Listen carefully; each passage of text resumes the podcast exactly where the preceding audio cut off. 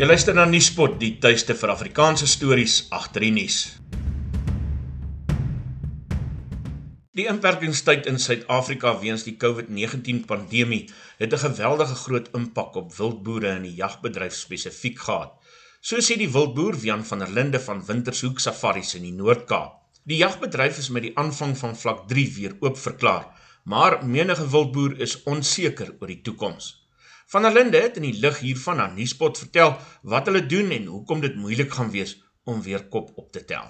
Ja, ons is um, dalk vir 'n klompie jare, so net vir die 20 jaar, 100% betrokke by die wildbedryf en dit is met al die fasette. So, jy weet, dit is van lodges, jag, lewende gewild, jy weet, die byprodukte, vleis en taksidermie. So ons is ons is redelik betrokke in die hele waardeketting. En julle kliënte basis? Ons kliënte basis is primêr is ons baie gefokus op die internasionale kliënte in die jagmark, maar ons het nog al die jare het ons um, 'n um, baie groot komponent is ook aan die Suid-Afrikaanse tradisionele biltomjagter. Sif dit sif dit nou af na jy weet die teel van wil, die taksidermie, vleisverkope en so meer. Toe die inperking kom, hoe dit julle geraak?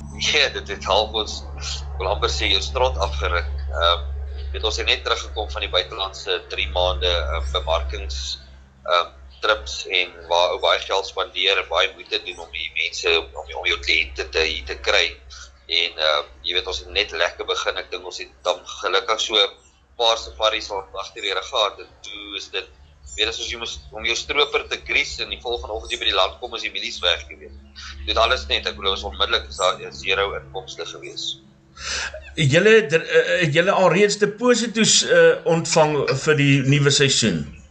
Ja ja, dit is dit is nie gebruik, jy weet, soos met enige bestemming waartoe mens gaan, ehm uh, betaal jy 'n deposito om jou datums vas te maak en te verseker jy kry jou tye.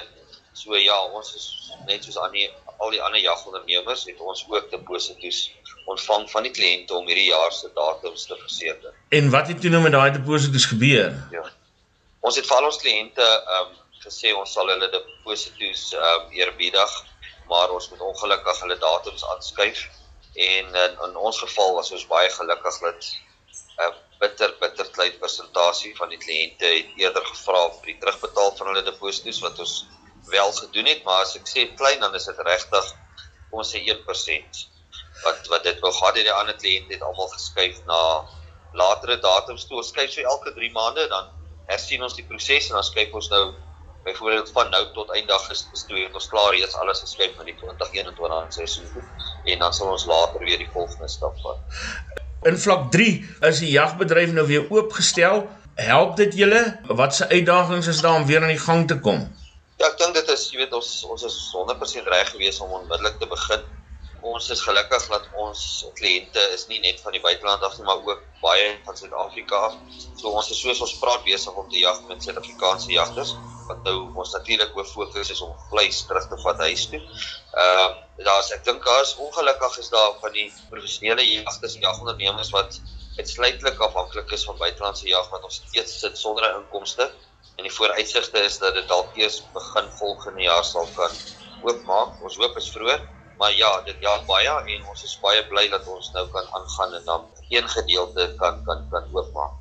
Wat het julle gemaak met die wild wat te veel was in die tyd wat julle nou nie kon laat jag nie? Die wildbedryf val daarom ook onder landbou wat van dag 1 af 'n essensiële um, diens was.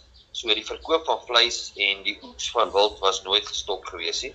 So uh, alhoewel mense dit nou gedoen het teen 'n lae premie, kon jy daarom jou getalle bestuur deur ehm uh, deur die oes dit te oes en dan die vleis te bemark. Gaan julle dit maak? Ons moet dit maak. Ons is nog te jonk om dit nie te maak nie. Nee, ek dink ons moet um, ons moet deurdruk en die uitdagings gaan groot wees en en dit gaan nie maklik wees nie, maar jong, ons is 'n tawwe nasie en ons byt vas en ons maak planne. So, yes. Die stadium gaan ons dit maak. Ons kyk hoe lank kan ons uithou. Jy het geluister na Wian van der Linde, 'n wildboer van Wintershoek Safaris in die Noord-Kaap. Ek is Isak Du Plessis.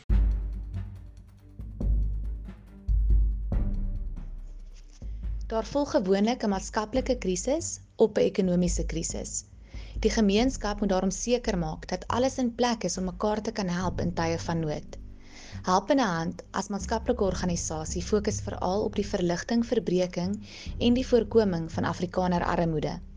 Om 'n toeganklike en 'n maklike bydrae te kan maak vir enige iemand wat in staat is om te kan help, het Helpende Hand se Houers vol Hoop projek bekend gestel.